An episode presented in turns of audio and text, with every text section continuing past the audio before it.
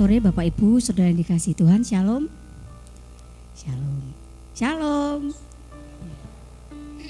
Luar biasa ya, kita harus senantiasa bersuka cita karena berkat kasih karunia Tuhan itu senantiasa kita rasakan hari lepas hari. Amin. Amin. Baik, eh, sebelum kita akan memulai ibadah kita pada malam hari ini, saya akan membacakan beberapa pengumuman. Tadi waktu Bapak Ibu Saudara masuk bisa ada apa mendapatkan uh, buletin ya bisa diperhatikan di situ. Saya tidak akan membacakan banyak semuanya tapi saya hanya mengingatkan saja bahwa sekolah minggu akan mengadakan sekolah Injil liburan yang diadakan pada hari Senin sampai dengan hari Rabu tanggal 26 sampai 28 Juni 2023 mulai dari kelas Indria, Pratama dan juga Madya. Di situ ada jam-jamnya untuk kelas Indria jam 7.45 sampai jam 10 lalu kelas Pratama dan Madya 7.45 sampai dengan yang eh, jam 11 silahkan Bapak Ibu Saudara bisa mendaftar bisa melalui link atau juga guru sekolah minggu langsung atau juga ketua sekolah minggunya yaitu Saudari Putri. Mohon juga untuk Bapak Ibu Saudara mendukung dalam doa untuk SIL ini juga tenaga maupun juga dana. Lalu persekutuan PBI, GGBI, BPD Jateng Bagut Rayon Selatan diadakan pada hari Senin tanggal 26 Juni 2023 eh, jam 18.30 atau jam setengah tujuh malam di GBI Karanggeneng, Jalan Woryanto, RT 001 RW 001 Sumurejo Gunung Pati. Eh, di acara ini di, ada kontribusinya yaitu 10.000 per orang. Segenap kompria diundang untuk hadir. Juga telah dibuka pendaftaran murid baru untuk PAUD TK dan SD Immanuel. Silakan bisa langsung datang ke kantor sekolah atau menghubungi Ibu Lasia atau Ibu Ajeng atau juga bisa gereja melalui nomor telepon gereja yang ada di buletin itu. Baik, eh, gereja juga mengucapkan selamat ulang tahun bagi Bapak Ibu Saudara yang berulang tahun sepanjang minggu ini, yaitu tanggal 18 Juni Saudari Teresia Kristiana Wardiastuti, tanggal 19 Ibu Sri Suparni Budi, tanggal 21 Juni Saudari Eli Juwita Sari Halawa, tanggal 23 Juni saudara Joshua Ben Gurion Wibowo. Mungkin ada yang hadir yang sedang berulang tahun? Tidak ada ya. Kiranya Tuhan Yesus senantiasa memberkati, Tuhan Yesus senantiasa memberikan yang terbaik bagi Bapak Ibu Saudara yang berulang tahun di sepanjang minggu ini. Tadi juga uh, Bapak Ibu Saudara juga menerima uh, laporan keuangan ya Eh, dan juga ada beberapa uh, hasil rapat urusan gereja bisa dibaca ya lembaran itu dan bisa didukung. Juga untuk pembacaan Alkitab selama sepekan ini ada di buletin dan laporan kegiatan minggu maupun juga para petugas minggu depan Bapak Ibu Saudara bisa memperhatikannya. Baik kita akan memulai ibadah kita pada malam hari ini Mari kita persiapkan hati kita untuk datang kepada Dia. Kita mau menyembah Dia, mengagungkan namanya. Singer akan membacakan ayat Alkitab dari Mazmur 108 ayat 2 sampai dengan ayat yang ke-6 sebagai persiapan kita untuk memulai ibadah kita. Mazmur 108 ayat 2 sampai 6. Bangunlah hai gambus dan kecapi, aku mau membangunkan fajar. Aku mau bersyukur kepadamu di antara bangsa-bangsa ya Tuhan, dan aku mau bermasmur bagimu di antara suku-suku bangsa. Sebab kasihmu besar mengatasi langit dan setiamu sampai kawan-awan. Tingkatkanlah dirimu mengatasi langit, dia Allah, dan biarlah kemuliaanmu mengatasi seluruh bumi. Supaya terluput orang-orang yang kau cintai, selamatkanlah dengan tangan kananmu dan jawablah aku. Ya. Amin. Baik, kita mau persiapkan hati kita, kita mau datang kepada Tuhan. Betapa indah ketika kita masuk ke hadirat Tuhan, kita mau menyembah, mengagungkan namanya. saat ku masuk ke hadiratmu.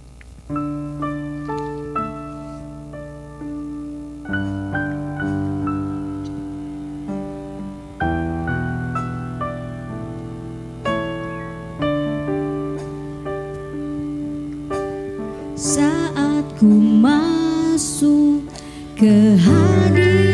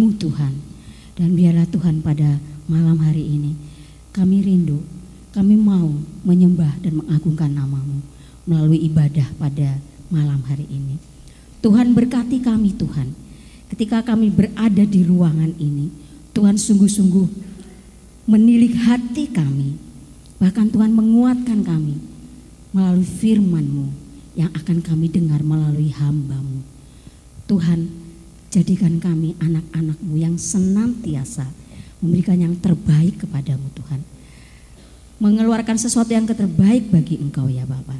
Berkati Tuhan ibadah ini dari awal pertengahan sampai pada akhirnya. Sehingga ketika kami pulang Tuhan kami mampu jadi berkat bagi orang-orang yang ada di sekitar kami. Terima kasih Bapak. Hanya dalam namamu kami sudah berdoa. Amin. Kita masih berdiri ya Bapak Ibu Saudara ya. Bulan ini gereja kita adalah temanya ya, keluarkanlah yang terbaik dari perbendaharaan hatimu yang baik. Dari Matius pasal yang ke-12 ayat 35 eh ay, ya 12 ayat 35. Silahkan bisa melihat kanan, kiri, depan, belakang ya. Menyapa ya, bisa tidak perlu harus bersalaman juga sih ya bisa katakan bahwa Tuhan kita adalah Allah yang dahsyat, Allah yang luar biasa. Sebab Tuhan Maha Besar, kita akan nyanyikan lagu ini dengan sukacita.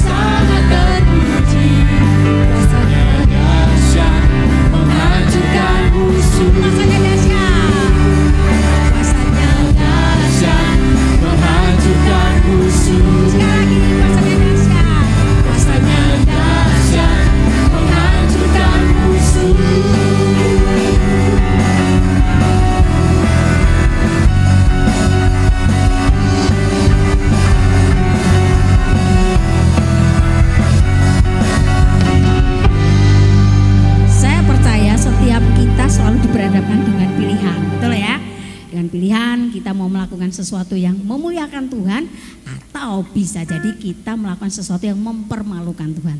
Tetapi harapannya kita harus senantiasa melakukan sesuatu yang memuliakan nama Tuhan. Kita nyanyikan lagu Yesus sahabatku.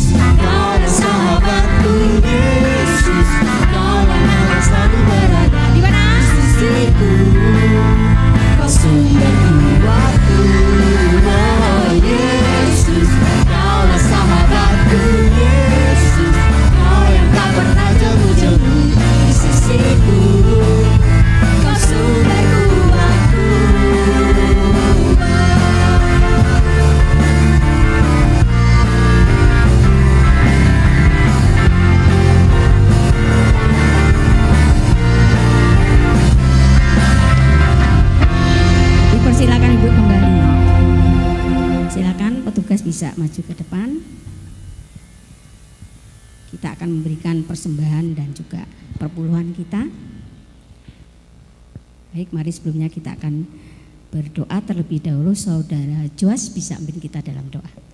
Mari kita berdoa.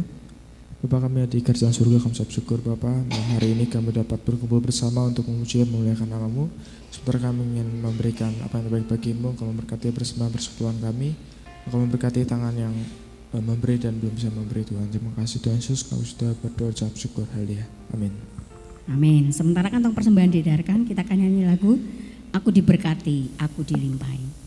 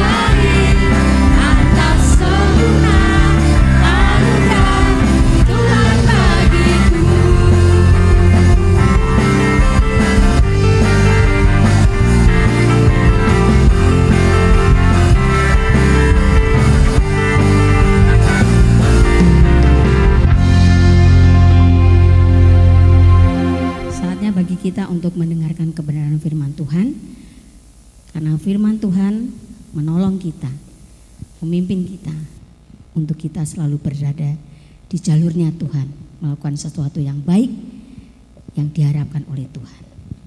Dengan sayapmu kita akan nyanyikan lagu ini sebagai persiapan kita mendengarkan kebenaran firman Tuhan yang akan disampaikan oleh hambanya Bapak Pendeta Eko Kurniadi.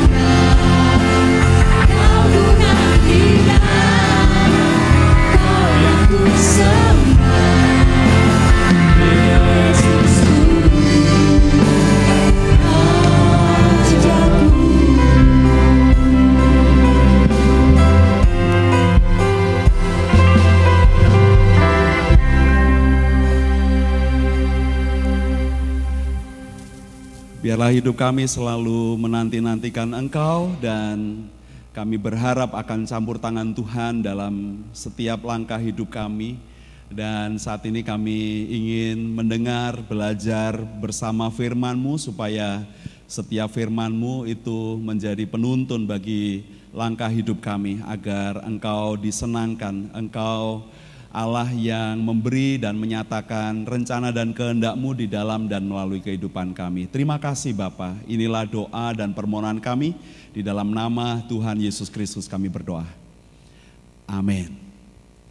Shalom saudara-saudara, selamat malam. Mari kita buka Alkitab kita saudara, ayat yang saya sudah siapkan untuk Anda di Yeskiel 36 ayat 26 dan 27. Saya akan bacakan untuk Anda.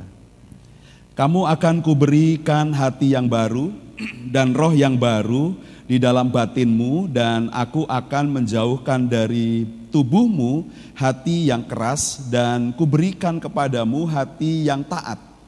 Rohku akan kuberikan diam di dalam batinmu dan aku akan membuat kamu hidup menurut segala ketetapanku dan tetap berpegang pada peraturan-peraturanku dan melakukannya. Saudara, saya memberi tema khotbah saya dengan teks yang sama yang pernah uh, saya sampaikan adalah hati yang baru. Saudara, hati kita kalau Anda melihat di dalam Yeremia 17 itu hati kita diberitahukan silakan buka Saudara, ini naturnya hati manusia Saudara di Yeremia 19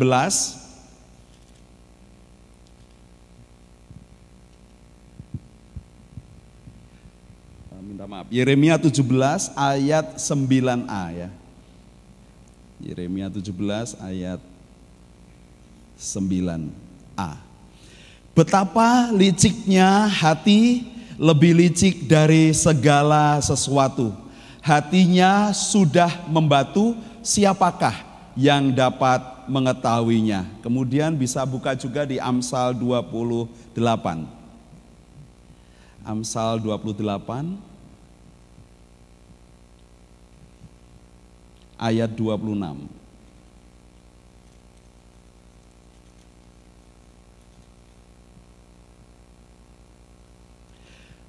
Siapa percaya kepada hatinya sendiri adalah orang bebal, tetapi siapa berlaku dengan bijak akan selamat. Saudara, hati yang baru, hati manusia pada dasarnya itu seperti Alkitab memberitahu bahwa hatinya itu licik, penuh tipu daya, di dalam hatinya sudah keras, sudah membatu. Siapa yang bisa uh, mengetahuinya? Siapa yang bisa mengendalikannya?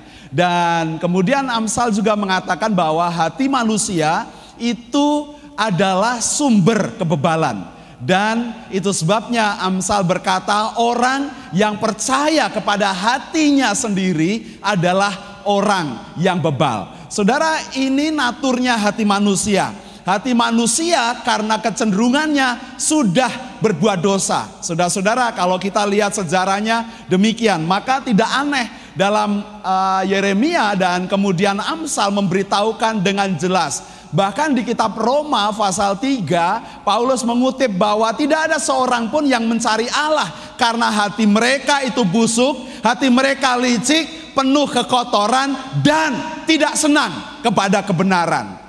Saudara, itu kita perlu uh, waspadai hati manusia. Nah, makanya pintu masuknya saudara-saudara Yeskiel memberitahukan dan itu hari ini bisa untuk kita adalah Tuhan akan memberi kepadamu, kepada saya, kepada kita hati yang baru, roh yang baru disimpan di dalam batin Anda. Hati kita adalah tempat, adalah tahta bagi Tuhan, saudara. Dia adalah bait Allah. Dia adalah bait yang disebutkan oleh Paulus. Batin kita adalah roh di sana yang menerangi. Kitab Ansal mengatakan bahwa hati manusia, lubuk hati manusia akan diterangi oleh Allah. Dia roh Allah adalah pelita bagi batinmu. Saudara kita diberitahukan inilah hati yang baru. Dia tidak mengoperasi kita dan menggantikan secara spontan kita dengan hati yang baru, tetapi hati yang baru, hati yang mau dikuasai oleh Roh Kudus adalah hati yang mau dan rela untuk dilatih. Nah, nanti di bagian dua saya akan menyebutkan tentang itu. Saudara, kalau lihat ayatnya, dua ayat ini sebenarnya punya struktur yang sama, saudara. Dia memberitahukan yang pertama kalau di ayat yang kedua, baris yang kedua itu pendek, tetapi sebenarnya kata kuncinya adalah bahwa Allah memberikan hati yang baru. Dia memberikan roh dan menaruhnya di dalam batinmu. Kemudian yang kedua, supaya hati kita itu menjadi hati yang lembut, tidak keras, dijauhkan dari segala yang keras, dijauhkan dari segala yang busuk, yang salah dan kemudian kita diberikan hati yang taat. Nah, itu dijelaskan dalam ayat yang ke-27.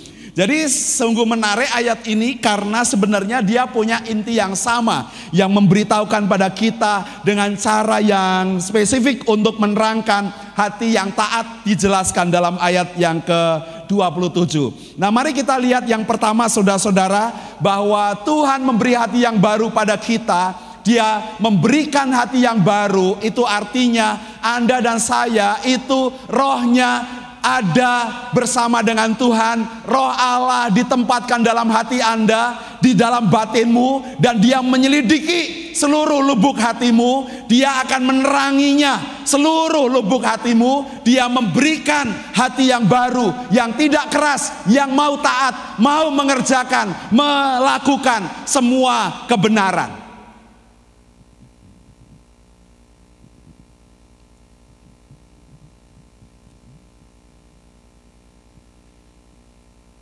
Seperti yang lalu aku itu tidak tahan ya saudara, tidak tahan kepada yang salah. Saya tidak sabar kepada yang dosa, yang salah, yang tidak benar. Tetapi saya juga tidak bisa memperlakukan orang untuk seperti baju ukuran yang saya pakai. Alkitab memberitahukan pada saya, kepada kita semua, bahwa kita punya ukuran, saudara-saudara. Kalau saya memberitahukan pada Anda ukuran yang ketat, ukuran yang lebih tinggi, ukuran yang baik, karena sebenarnya kita memberitahukan bahwa Alkitab memberitahukan semua unsur-unsur supaya kita sesuai dengan ukuran Tuhan. Nah, bagian yang pertama ini sangat penting, saudara-saudara. Orang yang percaya Tuhan, orang yang sudah percaya Tuhan, percaya bahwa rohnya dikuasai oleh Tuhan, hatinya diberi hati yang baru oleh Tuhan, dan harusnya menjadi orang-orang yang mudah untuk taat. Persoalannya, manusia kita selalu kita lebih condong kepada hati nurani kita yang tidak mau diperbaharui, tidak mau diperbaiki dan mau mengikuti jalan-jalan pikiran kita sendiri, ya. Kita punya cara-cara dan mengambil keputusan sendiri yang berbeda dengan ukuran yang Tuhan beri. Saudara dalam dua ayat ini diberitahukan bahwa kalau Tuhan memberi hati yang baru, hati yang tidak keras, hati yang taat, itu dia mau menjauhkan semua hati yang keras dari kita. Hati yang sudah membatu itu akan dihancurkan, diganti dengan hati yang penuh dengan kelemah lembutan. Itu artinya hati yang taat, saudara-saudara. Seperti minggu lalu saya menyampaikan bahwa kalau orang mengalami pembaharuan rohaninya terus-menerus mau membiarkan dirinya diperbaharui oleh Tuhan, dipenuhi oleh Roh Kudus karena orang baptis percaya bahwa kita sekali percaya Tuhan, Roh Kudus ada dalam kita, tetapi untuk kepenuhan Kristus, kepenuhan rohnya, kita harus mengalami berulang-ulang kali. Tidak cukup sekali. Tetapi kepenuhan Kristus yang akan menolong kita, mengendalikan kita, menyinari lubuk hati kita harus dialami oleh setiap orang percaya berkali-kali, saudara-saudara. Kita menerima baptisan Roh Kudus itu sekali, itu betul. Tetapi juga kita harus percaya bahwa kalau kita dipenuhi oleh Roh Kudus, hidup kita akan dikuasai dan kita akan berjalan di dalam kebenaran. Nah Alkitab memberitahukan pada kita inilah hati yang baru. hati yang tidak keras yang diberikan oleh Tuhan kepada kita, hati yang lembut, hati yang mau taat kepada Dia. Saudara perhatikan di dalam kehidupan kita, saudara. Coba diteliti kehidupan kita. Masalah, persoalan, kesulitan, tantangan kita, itu itu penyebabnya apa? Ada sebuah penelitian yang saya baca, saudara-saudara, dia memberitahukan, jangan-jangan masalah hidup kita, persoalan-persoalan hidup kita, kesulitan hidup yang kita alami, segala tantangan yang ada yang kita hadapi, itu persoalannya karena disebabkan oleh sikap hati kita yang tidak benar, saudara. Seperti Henry Wright kemarin berkata bahwa 80% dari penyakit itu akarnya secara rohani. Dan itu biasanya relasinya antara kita dengan Tuhan, kita dengan sesama kita, kita dengan keadaan diri kita sendiri, hati kita sendiri. Dia memberitahukan demikian. Jadi kita perlu teliti apakah persoalan-persoalan, masalah, tantangan, kesulitan kehidupan kita apa yang menyebabkan? Apakah itu orang lain yang berlaku salah kepada saya?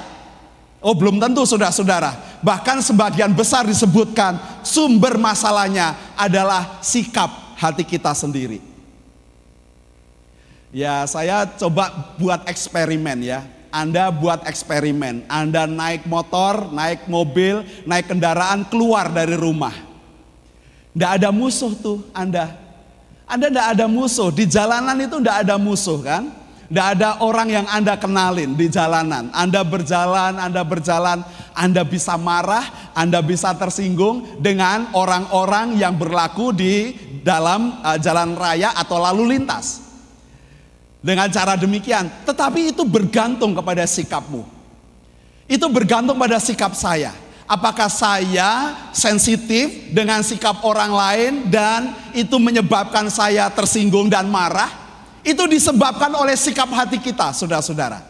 Nah, demikianlah kehidupan kita. Kalau kita mau meneliti bagian yang pertama, hati yang baru, sikap seperti apa yang saya miliki, sikap hati seperti apa yang baru yang Tuhan beri, saudara-saudara, dia akan menjauhkan hati yang keras dan mengganti dengan hati yang taat.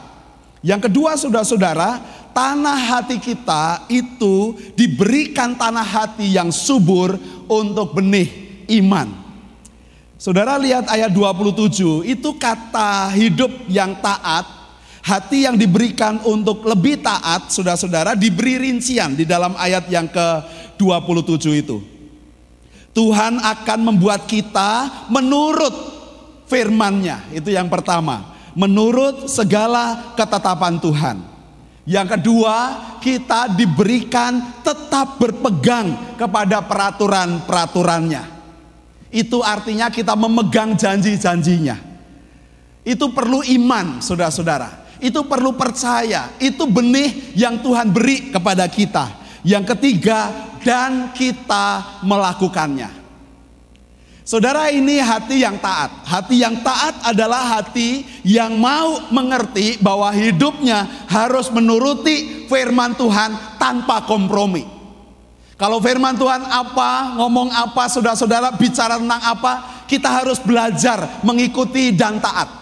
Yang kedua, kalau firman Tuhan mengatakan pada kita akan janji-janji, akan pernyataan Tuhan, akan janji kelepasan, sukacita bahagia, saudara akan pegang karena itu adalah benih hidup Anda, benih iman yang Anda pegang, yang hari ini secara fisik Anda tidak melihat, hari ini belum mengalami, tetapi Anda memegang benih itu. Saudara punya pengalaman dengan se satu biji uh, benih, saudara-saudara, Anda akan pegang benih itu, tetapi waktu Anda pegang, Anda percaya bahwa benih ini ada pohon, ada akarnya, ada batangnya, ada daunnya, dan benih ini kelak akan menghasilkan buah pada musimnya. Tapi waktu Anda lihat masih berbentuk benih, biji, saudara-saudara.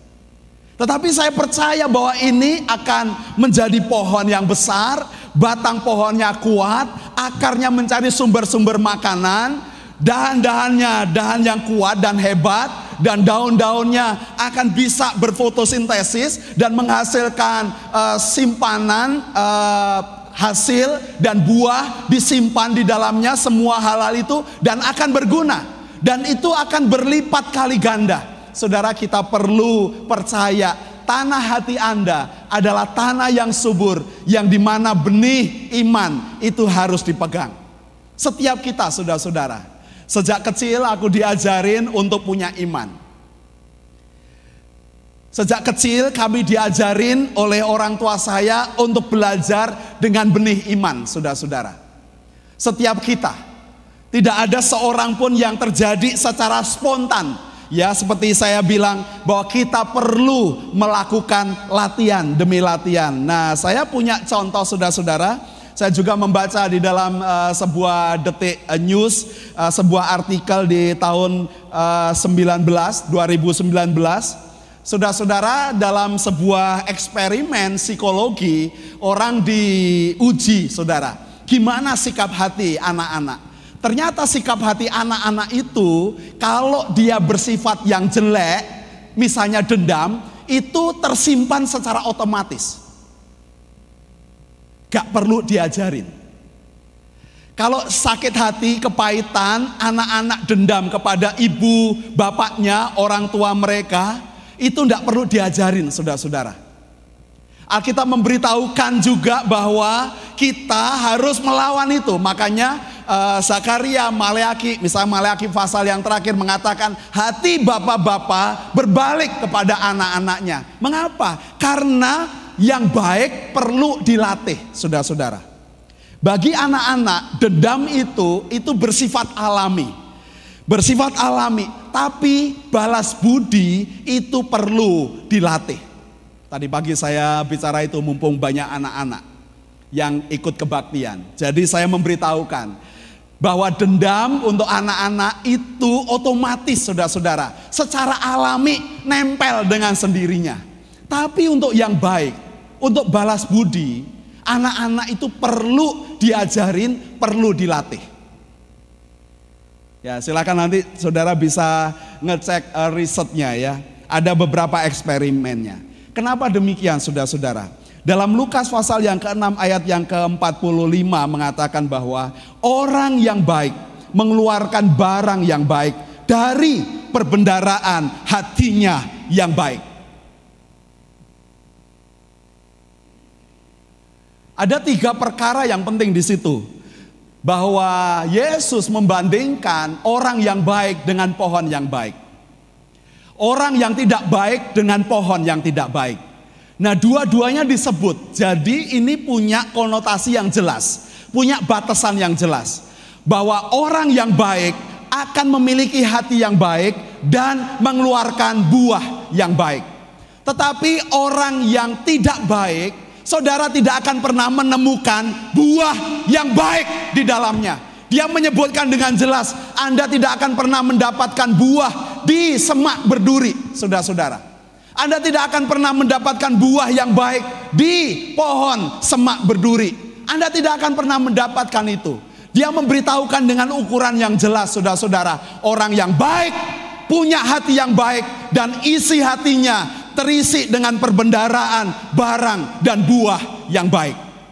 Orang yang tidak baik punya hati yang tidak baik, maka minta pada Tuhan dan Dia akan mengganti hati Anda, memberi hati Anda dengan roh dan yang baru dan batin yang baru, roh yang baru ada dalam hati yang baru.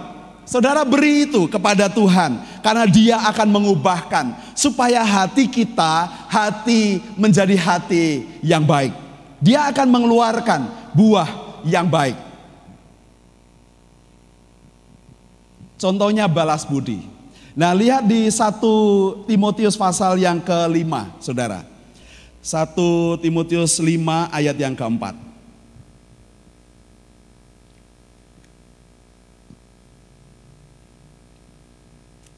Tetapi jikalau seorang janda mempunyai anak atau cucu, hendaklah mereka itu pertama-tama belajar berbakti.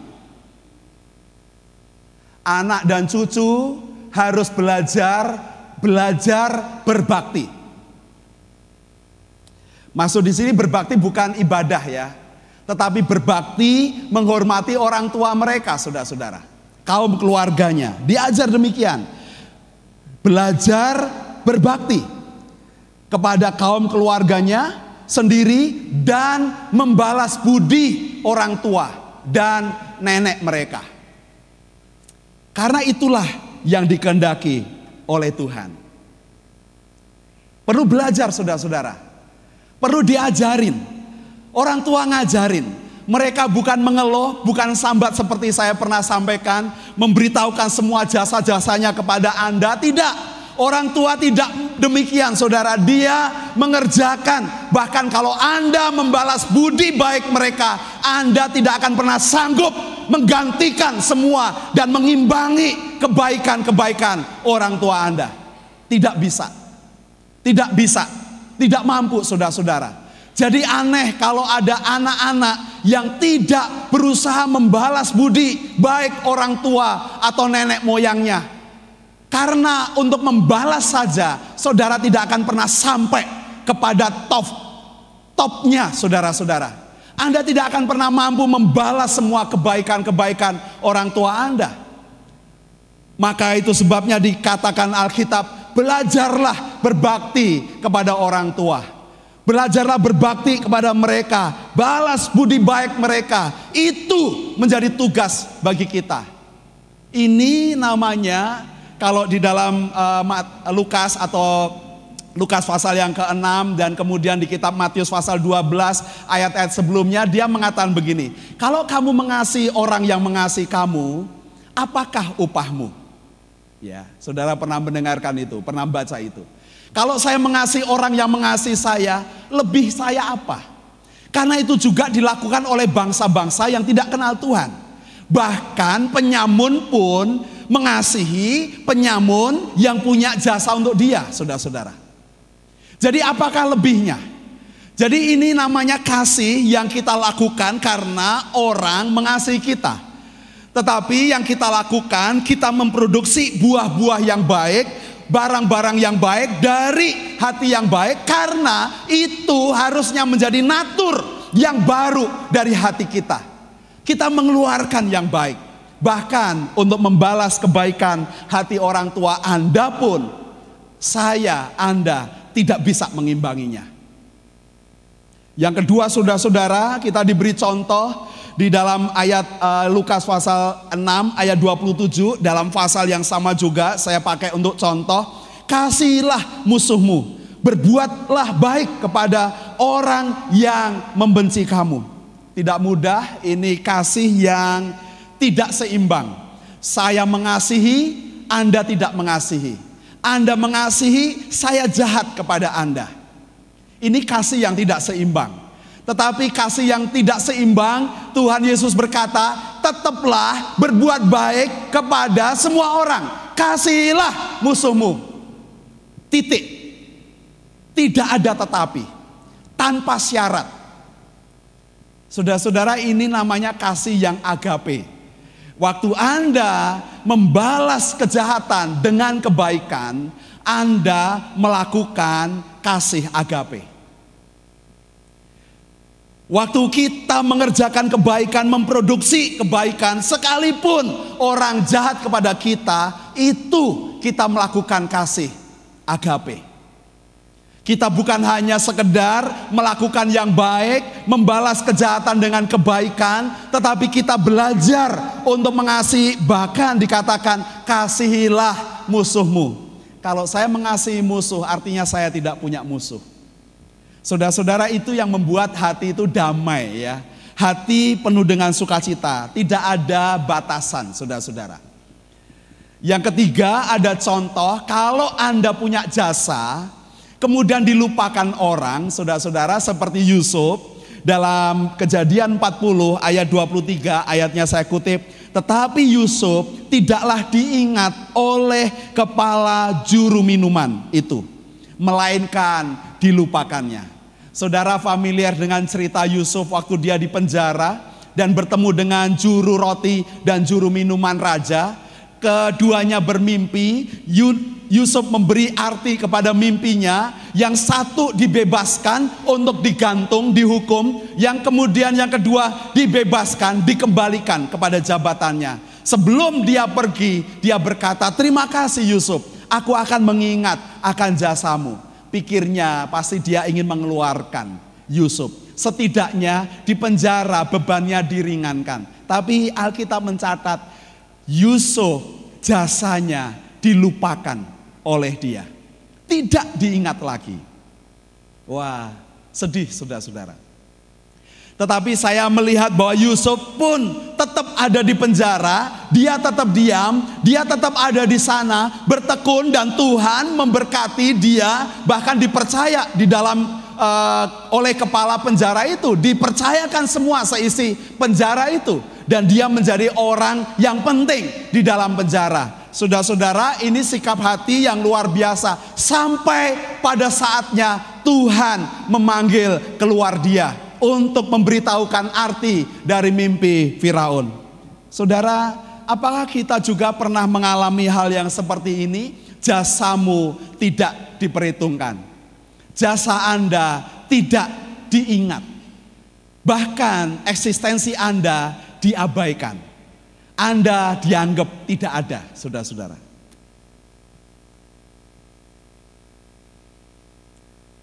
Dan sampai hari ini aku ngalami demikian. Saya ngalami demikian. Aku nggak butuh ide-ide saya dikutip orang, dilakukan orang, dan kemudian dia terima kasih dan saya mendapat pujian. Aku nggak butuh untuk itu. Saya juga tidak butuh akan semua yang sudah yang sewajarnya keluar yang baik dari saya untuk saya mendapatkan pujian, untuk jasa-jasa saya diingat, untuk semua hal yang sudah terjadi diingat oleh orang, aku tidak butuh untuk itu. Saudara ini namanya kasih agape. Karena waktu Anda mendapatkan pujian atau berharap pujian, Anda sudah gagal untuk tanpa pamrih tanpa balas, tanpa syarat. Saudara tidak bisa mengerjakan itu. Kita harus keadaan dalam tingkat yang lebih baik lagi saudara-saudara. Supaya kita bisa memperbaiki hidup kita bahkan dan kita juga berpengaruh kepada orang-orang di sekitar kita. Kadang kalau misalnya saya melakukan hal-hal yang biasa, yang rutin saudara-saudara.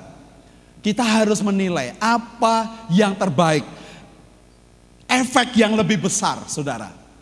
Kita perlu mengerjakan semua itu. Karena apa? Karena kita harus, kehadiran kita harus nyata, saudara-saudara. Dan kontribusi kita di dalam kehidupan harus ada. Dan itu sebabnya saya memilih tiga contoh ini karena ini adalah gambaran besar dari kita yang sering kecewa waktu jasa kita dilupakan orang, waktu kehadiran kita tidak dianggap, saudara-saudara. Waktu semua yang kita sudah lakukan yang tidak diperhitungkan oleh orang, sering kita bisa kecewa. Hatinya gagal untuk taat kepada Tuhan. Kita juga kadang waktu kita ada di dalam keadaan yang uh, terdesak, disakiti, dijahati oleh orang dan kita sebagai orang Kristen punya pertanyaan, apakah saya harus mengampuni dan mengasihi dan kita kadang merasa bersalah dalam hal ini. Saudara kita harus lepas juga dari hal belenggu rasa bersalah. Tidak perlu kita dibelenggu oleh rasa bersalah. Lakukan yang baik, lakukan yang terbaik, yang hati Anda sudah dipimpin oleh Tuhan. Nah, jadi kita harus bertindak dengan hati, saudara-saudara. Kita bertindak dengan perasaan kita, dengan hati kita, dengan wisdom kita, dengan hikmat kita. Tetapi kita bukan hanya sekedar dengan hati, tetapi juga berjalan kita dengan hati-hati. Hati-hati, saudara-saudara. Ya, hati-hati. Aku diberitahu ada pengunjung di gereja kita, ya, misalnya diberitahu, oh iya ya, Pak Pendeta, jemaatnya kok ternyata mainan HP, misalnya ya. Ngomong aja. Kalau saya pendeta Stephen Tong langsung tak tegur, eh nama ini, nama ini. Tadi aku marahi anak-anak. Anak-anak itu belajar untuk beribadah, perlu diajarin. Saya bilang ngomong eh. Langsung diem. Nanti ngelirik saya kalau udah lengah ngomong lagi. ya, tapi aku ngomong sekali aja, tegur dia, ngomong aja. Kalau udah diem ngomong. kalau udah diem ngomong. Tidak ada orang yang ngajarin saudara-saudara. Tidak ada orang yang mendidik gimana caranya untuk beribadah. Bagaimana berbakti. Nah ini hal yang penting mengapa supaya kita mengajar orang-orang muda belajar untuk baik, belajar untuk berbakti, belajar untuk balas budi. Anda tidak bisa spontan, oh nanti aku punya mimpi, punya ini untuk balas budi. Wah minta maaf, Anda mesti gagal. Anda mesti gagal. Kalau tidak berjuang dari hal yang kecil saudara-saudara, tidak melatih dari hal yang kecil, Anda akan gagal di tingkat yang tinggi. Waktu Anda berhasil, waktu Anda sukses, waktu nama besar Anda terjadi, kehadiran Anda sangat penting. Anda tidak bisa membalas budi baik orang tua Anda. Bahkan waktu Anda setia membalas budi baik orang tua Anda dalam semua komponen unsur hidup ini saudara-saudara Anda pun, saya pun tidak bisa membalas budi baik mereka. Saudara-saudara ini hal yang penting. Maka belajar untuk berbakti, belajar untuk membalas budi baik. Jangan sia-siakan hari-hari kita, saudara-saudara.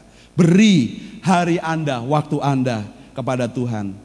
Nah, saya ingin kita buka sebagai ayat yang terakhir untuk menggarisbawahi khotbah saya malam ini saudara dalam Ibrani pasal yang ke-13. Dengan cara yang lain saya uh, mengajak Anda untuk lihat ayat yang ke-18.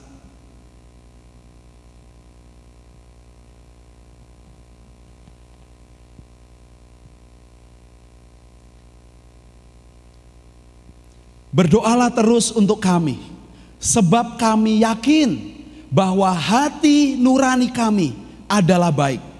Karena di dalam segala hal kami menginginkan suatu hidup yang baik. Saudara memang ini untuk hamba-hamba Tuhan ya. Dia uh, Paulus penulis Ibrani ini uh, ada yang bilang ini Lukas yang menulis ya. Jadi macam-macam orang punya uh, prediksi karena tidak tahu penulisnya siapa, tetapi mirip dengan tulisan Paulus. Jadi banyak orang bilang ini tulisannya Paulus. Dia berkata bahwa berdoalah untuk kami supaya hati kami, hati nurani kami baik. Karena kami menginginkan segala sesuatu yang baik. Saudara itu artinya berdoa untuk hati nurani Anda, saudara. Berdoa untuk hati nurani kita. Kita perlu doakan hati nurani kita. Jangan mau dicemari oleh yang dosa. Jangan mau dicemari oleh yang salah. Jangan mau dikotori dengan kemarahan, kedengkian, ketersinggungan, kesombongan, dan susah untuk taat, saudara-saudara. Belajar untuk berdoa, minta kepada Tuhan supaya kita diberi hati nurani yang baik. Nah, hati nurani akan memberi kepada kita kepekaan akan yang salah, akan yang yang benar. Dia memberitahukan itu, saudara-saudara. Nah, itu sebabnya penting untuk seperti penulis Ibrani ini mengatakan bahwa berdoalah untuk kami supaya kami diberi karena hati nurani kami ini baik dan menginginkan segala sesuatu hidup yang baik. Belajarlah untuk itu. Latih saudara-saudara. Kita tidak bisa uh, secara dadaan spontan. Anda perlu berlatih. Anda akan melewati banyak dinamikanya dalam kehidupan ini dan uh, kita semua pasti akan mengalami tantangan itu ada saudara-saudara. Tidak semua orang menyenangkan hidup Anda. Tidak semua orang bahkan orang seisi rumah Anda sekalipun tidak bisa menyenangkan dan memuaskan Anda. Tetapi kalau setiap orang dalam keluarga Anda, dalam kita, kehidupan kita setiap orang punya tujuan yang sama, menjaga hati nuraninya yang baik dan menginginkan kehidupan yang lebih baik, menjagai hatinya saudara-saudara, dia akan saya percaya bahwa orang-orang seperti ini akan menjadi partner yang baik bagi orang-orang yang Tuhan tempatkan di sekitar hidupnya. Dan saya percaya Tuhan punya tujuan, saudara-saudara. Tuhan punya tujuan. Dia punya punya kita, saudara-saudara. Dia memiliki kita. Jadi kita mau diapa-apain itu haknya Tuhan, saudara-saudara. Dan dia ingin memakai kita. Maka ini hal yang sangat penting bagi kita. Dia akan memberkati kita, sudah memberikan hati yang baru dan belajarlah melatih hati kita supaya kita punya hati nurani yang baik yang menginginkan kehidupan yang baik. Pertanyaannya untuk saudara-saudara, anak-anak ya hari ini yang masih anak-anak belum uh, menikah, saudara-saudara, coba pikirkan budi baik apa yang harus segera Anda lakukan.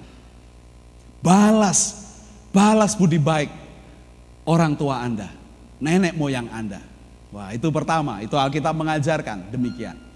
Balas budi baik, jangan malah moroti. Jangan moroti orang tuanya ya, balas, memberi. Kalau Anda memberi itu loh, sekalipun Anda memberi dengan setia, mengasihi, Anda tidak bisa membalas budi baik mereka. Tidak seimbang saudara-saudara. Nah makanya baik untuk memberi. Lakukan balas budi untuk mereka, untuk orang tua Anda. Saudara-saudara ini hal yang sangat penting bagi kita.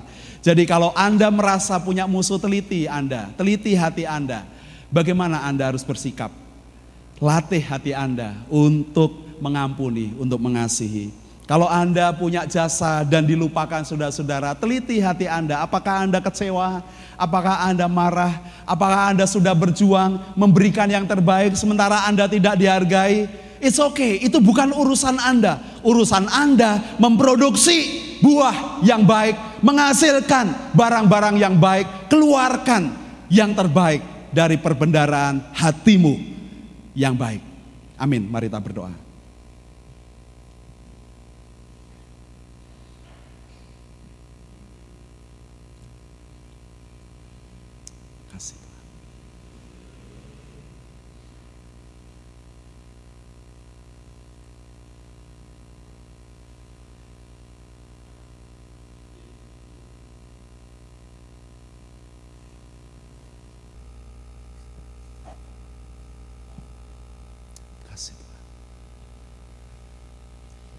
Mari kita akan berdiri saudara-saudara, kita akan berdoa, bersyukur untuk firman, bersyukur untuk kehidupan kita, berdoa bagi bangsa kita, bersyafaat untuk uh, mereka dan kita akan menutup dengan doa berkat. Bapa di dalam surga, kami tahu bahwa Tuhan menghendaki kami untuk mengalami Tuhan dalam hidup kami. Ampuni sering kali mengikuti, karena kami sering mengikuti jalan-jalan hati kami sendiri, kesenangan kami, kenyamanan kami, dan kami lupa untuk mengukurkan seperti yang Tuhan kehendaki, mana yang baik. Kami bertumbuh dewasa tapi kami tidak bisa membedakan mana yang baik, mana yang berkenan kepada Tuhan, dan mana yang tidak. Karena kami dikuasai oleh ego. Kami dikuasai oleh kesombongan kami. Kami merasa dibutuhkan. Kami ingin dipuji. Kami ingin kehadiran kami nyata, kelihatan. Tetapi kami lupa memberi yang terbaik kepada Tuhan sekalipun sekalipun kami tidak menerima balasannya. Ajalah kami melakukan yang terbaik pada Tuhan sekalipun orang membenci kami. Kami melakukan yang terbaik sekalipun jasa kami dilupakan. Tapi ajarlah kami untuk melakukan yang terbaik apa pun keadaannya. Tuhan berkatilah kami. Kami rindu bahwa kami menjadi pribadi-pribadi yang semakin bertumbuh, tidak menyia-nyiakan hari-hari yang kami jalani tidak menyia-nyiakan waktu kami masih bersama-sama. Tidak menyia-nyiakan waktu kami masih bisa bertatap muka, bercengkerama, bergaul. Supaya kami dapat melihat Kristus yang nyata dalam kehidupan kami bersama. Bapa, berkatilah gereja ini, supaya gereja ini bisa menjadi saksi bagi Tuhan. Kami tidak melakukan ritual ibadah tetapi kami melakukannya karena kami mengasihi Tuhan. Kami ingin diajar, dilatih. Kami supaya kami bisa lebih baik lagi seperti yang Tuhan kehendaki. Berkatilah gereja ini, berkatilah pelayanan-pelayanan melalui compassion, melalui sekolah, melalui gereja ini diberkati setiap orang-orang yang dipercaya oleh Tuhan supaya mereka juga bisa mengeluarkan barang yang baik, persembahan yang terbaik yang keluar dari kehidupan mereka supaya Injil Tuhan dibagikan, supaya banyak orang mengenal Tuhan Yesus, hidup dengan nyata di dalam kehidupan kami. Bapa, ajarilah kami supaya kami dijauhkan dari hati yang keras, hati yang membatu, hati yang tidak taat. Sehingga kami diubahkan dan mau dilatih seperti firman-Mu malam ini. Berkatilah bangsa kami, Presiden Jokowi, seluruh kabinet Indonesia Maju dan semua pemimpin-pemimpin kami dari tingkat uh, provinsi, kabupaten, kota madya, kecamatan, kelurahan diberkati semua. Supaya pemimpin-pemimpin kami bisa menggerakkan gerbong pembangunan dengan lebih baik lagi. Dengan menjadi pengayom bagi rakyatnya, memberikan kesempatan untuk sejahtera bagi rakyat Indonesia. Berkatilah bangsa kami. Berkatilah kalau kami memasuki di tahun uh, pemilu, tahun politik yang akan kami hadapi ke depan dalam tahun depan Tuhan berkatilah engkau yang sudah memilih menetapkan pemimpin-pemimpin yang mengasihi uh, rakyat Indonesia, mengasihi bangsa ini. Tuhan menetapkan mereka pakai supaya mereka menjadi alat di tangan Tuhan untuk mensejahterakan bangsa ini baik secara uh, rohani, batiniah maupun secara fisik jasmani. Terima kasih Bapak, terima kasih. Inilah doa dan permohonan kami. Di dalam nama Tuhan Yesus Kristus kami berdoa. Jemaat Tuhan pulanglah, bawalah berkat dan kasih sayang dari Bapa di dalam Tuhan Yesus Kristus dan Roh Kudus. Dengarkanlah dia, maka dia akan memberitahukan jalan-jalannya kepadamu sehingga engkau diberkati. Diberkati dengan kasih dan sukacita. Kebajikan dan kemurahan Tuhan akan mengikutimu seumur hidupmu Engkau akan diberkati dengan kesehatan, perlindungan dari segala macam penyakit dan bahaya. Dia akan memberkatimu dengan anak-anak dan keturunanmu akan menjadi berkat bagi bangsa-bangsa. Dia akan memeliharakan kehidupanmu secara total, melimpahkan rezeki dengan murah hati. Dan setiap tangan-tanganmu yang bekerja diberikan keterampilan, keberhasilan, dan keberuntungan. Dan saksikanlah pada orang lain apa yang sudah Bapamu perbuat dalam kehidupanmu sehingga orang melihat perbuatan Bapamu yang baik dan mereka juga menyembah Bapamu yang di sorga. Terima kasih Tuhan Yesus, inilah ibadah kami. Korban syukur dan puji-pujian kami naikkan untuk Engkau saja, Yesus Kristus, Kepala Gereja kami, dari sekarang sampai selama-lamanya. Haleluya. Amin.